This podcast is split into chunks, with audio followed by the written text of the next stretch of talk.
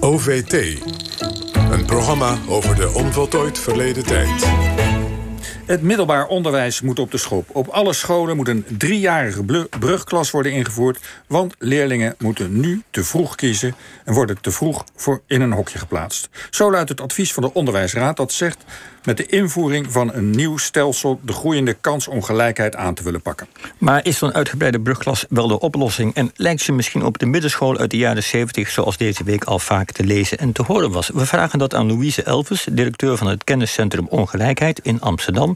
En Curano Bigiman, docent klassieke talen aan het Vossius Gymnasium en aan het Lely Lyceum in de Amsterdamse Bijlmer allebei welkom.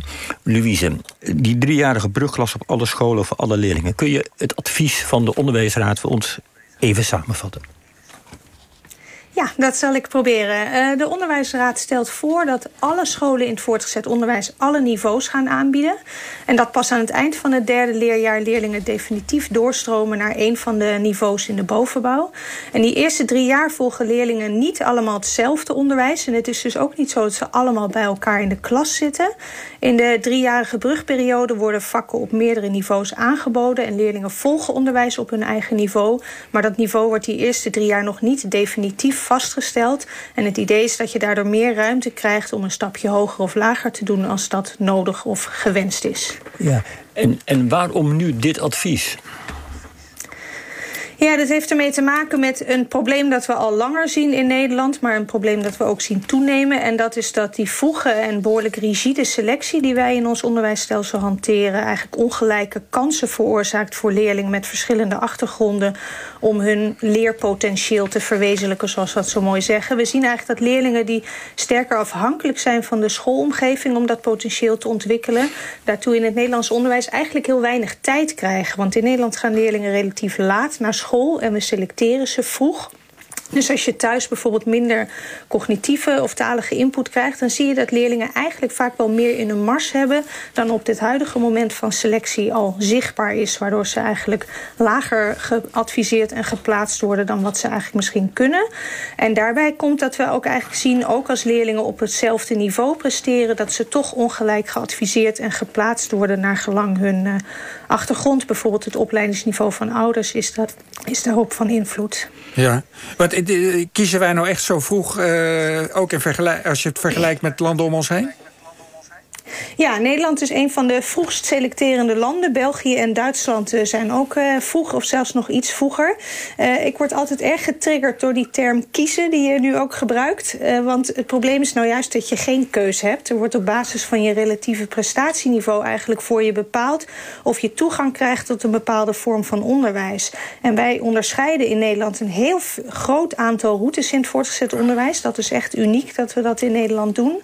Um, en we zien ook eigenlijk dat er verschillen tussen leerlingen tussen die verschillende routes helemaal niet zo heel groot zijn. Er is behoorlijk wat overlap, maar toch zien wij eigenlijk aanleiding in Nederland om ze heel precies te determineren en te selecteren en te scheiden. Ja, het, het gaat dus om uh, onder meer om uh, die vroege selectie die problematisch zou zijn, omdat veel kinderen een onderadvies krijgen. Want ik geloof toch dat dat de beruchte term is, hè, dat, je, dat je op de lagere school, de laatste klas, door je leraar wordt geadviseerd om maar niet te hoog te gaan. En vooral niet als je van allochtonen kom af bent, uh, is een bekend probleem. Om dat probleem te tackelen onder meer die driejarige brugklas. Is het een goed idee, uh, Curano Bigiman? Um, als ik naar mevrouw Elvers luister, zitten er heel veel elementen in haar uh, verhaal die inderdaad kloppen. Um, ik vraag me alleen af of dit um, idee van driejarige brugklas ook echt de oplossing is die we zoeken. Um, inderdaad, je krijgt een advies van je basisschooldocent mee. Maar dat is geen advies. Dat is al eigenlijk een vaststaand gegeven. Um, dus ja, van echt advies is geen sprake. Um, dat beperkt ook inderdaad je, uh, je doorstroommogelijkheden. Je uh, tussenstroommogelijkheden, om ze zo te noemen tussen verschillende niveaus uh, in het middelbaar onderwijs. En ja, die schotten die daar zijn neergezet... -hmm volgens mij is het belangrijker om die weg te halen. Het is eigenlijk niet meer of met heel veel moeilijke uh, stappen pas mogelijk om uh, door te stromen van een VMBO-opleiding naar een HAVO, van een HAVO naar een VWO en binnen VWO weer verschillende um, varianten te hebben. Ja, ik heb het idee dat die schotten daar zijn neergezet um, uit kostenoverwegingen. Um, en ik denk dat het juist meer kosten oplevert. Maar ja, je zegt nu eigenlijk, eh, die, die driejarige brugklas is niet per se de oplossing. Wat veel belangrijker is, is dat we in die tijd dat die kinderen op die tweejarige brugklas zitten, dat, dat ze kunnen doorstromen als ze beter blijken te kunnen dan gedacht is. Ja, bijvoorbeeld. Ja. En geef uh, die leerling nou ook vertrouwen. Veel leerlingen krijgen dus ook een dubbel advies mee van de basisschool. Hè? VMBO, uh, eh, HAVO of HAVO-VWO. Veel uh, scholen passen leerlingen niet standaard in in de hoogste van de twee. Um, ik werk op een school die dat wel doet. En dan zie je, als je leerlingen dat vertrouwen geeft... dat ze dus wel die lat uiteindelijk kunnen halen. Ja. Niet om uh, het advies van de basisschool in twijfel te trekken... want dat, dat is vast ergens op gebaseerd... maar maar het hoeft niet per se zo. Maar het is toch ook geen advies? Het is toch niet zo dat als jouw kind het advies krijgt VMBO... dat je het gewoon naar het ateneum kan sturen? Dat, er, wordt zo'n kind toch nergens aangenomen? Uh, in die zin is het toch gewoon uh, een aanwijzing, in ja, feite een soort toewijzing? Het is een toewijzing. Ja. Uh, ik denk dat ook eh, scholen in het middelbaar onderwijs daar dus ook wat flexibeler mee om zouden kunnen gaan. Net als uh, leerlingen en ouders zelf. Veel makkelijker en flexibeler door dat schoolsysteem heen kunnen. In plaats van zo. Maar is, maar, maar is dan geen oplossing om zo'n driejarige brugklas gewoon te doen? Want dan haal je die schotten weg. Dan verplaats je dat moment. Um, maar op Wat is daar dan een bezwaar tegen? Op die manier. Um, als je die driejarige brugklas doet, je bent toch aan het differentiëren. Als ik uh, het voorstel zo hoor. Uh, want leerlingen krijgen dan toch uh, onderwijs op hun eigen niveau. Ehm, ja, op welk moment zien die leerlingen elkaar dan? En is er inderdaad sprake van uh, een, een, een, duidelijke keuze die zo'n leerling zelf kan maken? Of worden ze toch weer door docenten later uh, in een, bepaalde uh, bepaald hokje gestopt? Ja, la, laten we even naar de middenschool gaan. Die wordt steeds in de discussie nu genoemd. Louise Elvis, wat, wat was het ook weer eens en wat was het idee erachter? Uh, nou, wat het geworden is, de middenschool in Nederland is een soort nationaal trauma. Wanneer uh, dat woord wordt genoemd, dat jaagt, uh, jaagt iedereen al de stuip op het lijf. Hm. Maar hij is er en toch dat helemaal zit voor niet een geweest? Deel in, ja. Nou, er zijn wel experimenten geweest ja. en er zijn er ook nog steeds een paar in Nederland. En voor een deel zit dat dus ook in de framing die nu ook weer dat advies van de onderwijsraad ten deel valt. Het idee dat de middenschool was eenheidsworst drie jaar lang alle leerlingen hetzelfde programma voorschotelen, middelmaat overheerst, niemand kan excelleren. Dat is nu niet het voorstel van de onderwijsraad, maar dat was ook niet het oorspronkelijke idee van de middenschool, zoals die ooit in de contourennota, zoals die heette, door Van Kemenade stond omschreven. Ook daar was het idee op sommige vakken uh, bij elkaar in de klas, maar ook allerlei niveaugroepen per vakgebied, waardoor je wel degelijk op je eigen niveau onderwijs kon volgen. Dus ook daar was ruimte voor maatwerk voor verschillende leerlingen. En dat is eigenlijk nu ook weer het advies. Je kon nog steeds de eerste drie jaar ook wel bijvoorbeeld Grieks en Latijn volgen als je dat wilde. Ja, dat is uh, een mooi voorbeeld. Uh, kijk, de onderwijsraad roept nu heel hard... Uh, dit is niet de middenschool. En dat begrijp ik ook wel. Want je ziet ook nu weer dat iedereen moord en brand schreeuwt... over die eenheidsworst en dat Grieks en Latijn zou worden afgeschaft... en noem maar op. Maar dat is niet wat er aan de hand is. Uitstel van definitieve selectie is niet hetzelfde... als iedereen drie jaar hetzelfde onderwijs geven. En er is dus ook een belangrijk verschil tussen gymnasiaal onderwijs... dat prima kan worden aangeboden in de scholen die de onderwijsraad voorstelt en categorale gymnasia die helemaal afgescheiden zijn. Ja, je, je, je uitstel van definitieve selectie, het, klinkt ook allemaal wel vreselijk hè, als, als dit over mensen gaat. Maar goed, dat allemaal terzijde. Um, wat, wij ons, wat ik me toch ook afvraag, Curano, hoe, hoe kijk jij hier nou naar? Hè? Want het plan van nu lijkt natuurlijk op de middenschool van vroeger. Niet op de karikatuur, de eenheidsworst, maar op het plan om drie jaar, et cetera, mensen kansen te geven. Je hebt zelf enige ervaring. Je hebt in Griekenland rondgelopen als klassicus. En daar was ook een middenschool. Hoe, kijk jij hier naar? Ja, het, het, schoolsysteem daar is echt ingericht op een middenschool. Het is heel erg uh, op cognitieve vaardigheden gericht voor iedereen. Ehm, leerlingen stromen van de basisschool door naar een middenschool. Uh, drie jaar lang ook. En je ziet dat leerlingen die, zich aan de uiterste bevinden... dus echt heel goed zijn, een, een, een intellectuele uitdaging willen... daar niet aan hun trekken komen. Die zitten inderdaad samen in één klas met uh, leerlingen... die op een uh, gemiddeld tempo gaan. En leerlingen die ja, daar toch wat meer moeite mee hebben... of juist hun interesse hebben liggen op beroepsvakken...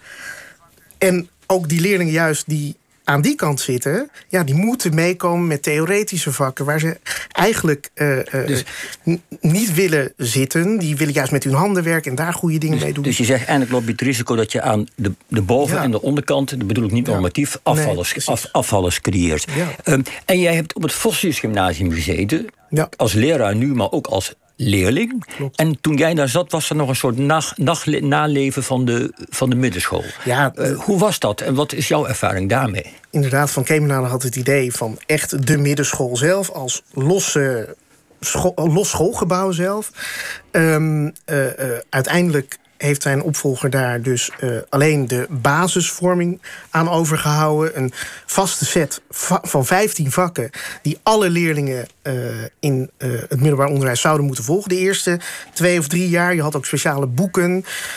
die hadden altijd de afkorting MHV, MAVO, HAVO, VWO. En alle leerlingen moesten dat dan doen. Nou ja, wij gingen op het Vossius vrij snel door die boekjes heen. Maar na drie jaar kregen we wel de basisvorming toets die niet helemaal toegesneden was op uh, ons niveau. Te uh, ja, vergeleken met andere.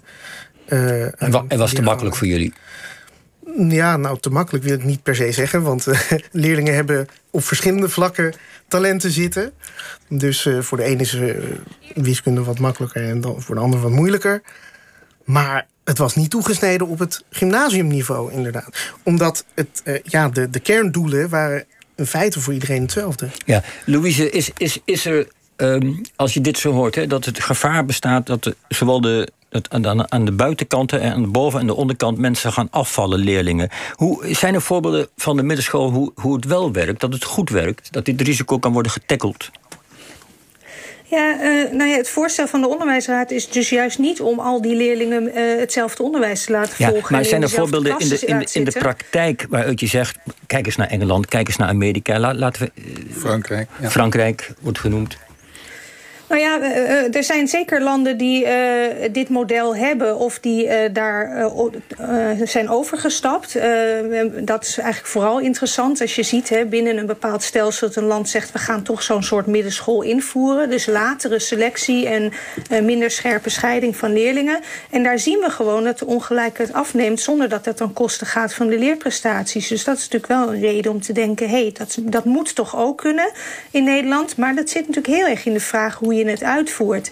En als je het uitvoert in dat model dat Curano net noemt in Griekenland, van al die leerlingen bij elkaar. En de mensen helemaal aan de top of helemaal aan de onderkant, inderdaad niet in hiërarchische termen eigenlijk te benoemen, uh, die komen dan niet aan hun trekken. Maar dat moet je dus ook nooit doen. En dat, moet, dat is dus ook niet het voorstel. Ja, um, nu zegt Pauline Scheltema van de Stichting Zelfstandig Gymnasium, zij slaat alarm, want zij zegt. Een brede brugklas maakt meer kapot dan je lief is. Het zou het einde van het categoriale gymnasium betekenen. Is dat zo? En heeft een punt? En zou het erg zijn, Curano? Ik, kijk even naar jou. Ja, het gaat niet alleen om categoriale gymnasia. Er zijn ook categoriale HAVO's en uh, ook MAVO's, zoals ze nu genoemd worden. Um, uh, dus VMBOT-opleidingen die in categoriale scholen worden georganiseerd. Um, en ja, ik denk altijd het mooie van ons Nederlands onderwijssysteem is de vrijheid van onderwijs en ook dus de vrijheid van aanbod. Uh, er zijn zoveel denominaties uh, mm-hmm. op religieus gebied, maar ook op uh, onderwijskundig gebied. Um, en ook de inrichting van of één opleiding aanbieden of meerdere in scholengemeenschappen. Ja. Um, maar jij zei zelf, je moet die schotten een beetje weghalen. Ja. En als je het categoraal organiseert, heb je toch automatisch schotten? Je kunt natuurlijk ook die scholen met elkaar laten samenwerken. En uh, samen onder één bestuur zetten bijvoorbeeld. Uh, toch meer uh, contact bevorderen. laten we even naar de praktijk gaan. Want jij ja. bent leraar op het... Lely Lyceum in de Bijlmer. Daar heb je een soort klein gymnasiumpje opgericht, als ik het zo even mag zeggen. op een grotere school. Hoe werkt dat daar? Werkt dat goed? Is dat emancipatoire? Hoe werkt het? Lukt het? Ja, ik heb dat gedaan in Amsterdam Zuidoost, een, een, stadsdeel uh, dat ja, jarenlang toch werd gezien als een uh, uh, sociale probleemwijk. En daar zal dus ook wel geen vraag zijn naar Latijn of Grieks. Zo was het idee. Maar ja, als, als het ook niet aangeboden wordt daar, kun je dat niet helemaal zeggen. Dus ik heb gewoon, toen de kans kreeg, de beslissing genomen om dat wel aan te bieden. Leerlingenaantallen groeien, er is, is interesse ook. Um, en die leerlingen die zijn even goed als mijn leerlingen op het Fossies Gymnasium. Ja, en is dit dan volgens jou de kant die het op zou kunnen? Als je zorgt dat er gewoon een groot en goed aanbod is, dan, dan tackle je het probleem van kansenongelijkheid ook? Ja, ik denk dat dat een van de richtingen is waar, waar we op kunnen. Een beetje vrijheid, een beetje flexibiliteit. Om die leerlingen ook een beetje um, zich te laten ontwikkelen binnen een schoolsysteem. Dat ze ook een keer inderdaad een ja, om zo te zeggen, tussen aanhalingstekens fouten, verkeerde keus kunnen maken en die weer kunnen herstellen. Ja, Louise, als, uh, als deze stelsel, stelselhervorming wordt ingevoerd, uh, wat, krijg, wat, wat voor beeld krijgen we dan? Krijgen we dan grote verzamelscholen uh, met, waar alle, alle schooltypes op worden aangeboden en waar dat, wat alles bij elkaar is? Dat, is dat de angst die we moeten hebben? Want de werkelijkheid is natuurlijk op het moment dat heel veel ouders voor categoriale scholen kiezen. Als het even kan hun kind naar een kleine, veilige school sturen. Is, is niet het gevaar dat deze, als dit plan wordt uitgevoerd, dat dat eigenlijk haak staat op de maatschappelijke ontwikkeling? Hoe kijk jij daarnaar? Ja, nou het eerste is dat het niet in megascholen hoeft uit te monden. Je kunt dat ook kleinschalig inrichten. En dat doen veel brede schoolgemeenschappen doorgaans ook. Die werken bijvoorbeeld met deelscholen. Schools within schools wordt dat ook wel genoemd. Dus dan organiseer je wel degelijk kleine gemeenschappen binnen een grotere school. Waar iedereen elkaar kent, vaste gezichten, lokalen, et cetera. Um, als je het hebt over de maatschappelijke tendens, er is een enorme tendens om het hoogste, het beste uit je kind te willen halen. En ik geloof echt dat ouders het ideaal van kansengelijkheid wel steunen. Zolang ze er maar zeker van zijn dat er ook de beste uit hun kind wordt gehaald. Dat hij de beste kansen krijgt om zich echt te ontplooien en te ontwikkelen. Dus daar zit denk ik de belangrijkste uitdaging. Dat je dat voor alle niveaus, voor alle leerlingen interessant maakt. En waar ik uh, afwijk van de onderwijsraad is... Ik, volgens mij is er geen stelselwijziging nodig. En er staat scholen in feite eigenlijk niks in de weg om dit al te doen. Het is niet wettelijk verplicht om op 12-jarige leeftijd te selecteren of al die niveaus zo sterk te scheiden. Dus dat hoef je in principe niet aan te passen. En er zijn ook binnen het huidige stelsel al verschillende scholen die hun onderwijs op die manier organiseren. Ik begrijp best dat de onderwijsraad zegt: als je wilt dat het lukt, moet je het in één klap doen. Maar zelf zou ik veel meer aan de kant van de wortel dan van de zweep gaan zitten en zeggen: je kunt hele eh, financiële prikkels voor scholen inrichten om die scholen heel aantrekkelijk te maken voor leraren om erop te werken en voor ouders en leerlingen. Dat ze zien, hé, hey, ik kan daar versnellen, verdiepen, verbreden op mijn eigen tempo, in mijn eigen richting. Dat is interessant, dat wil ik graag. Dus rustig opbouwen, niet alles uh, radicaal doen. Rustig opbouwen en kijken of een nieuw stelsel te combineren is met het oude stelsel. Dat is min of meer jouw advies. Curano mag ik uh, Bigeman bedankt en Louise Elvis ook bedankt.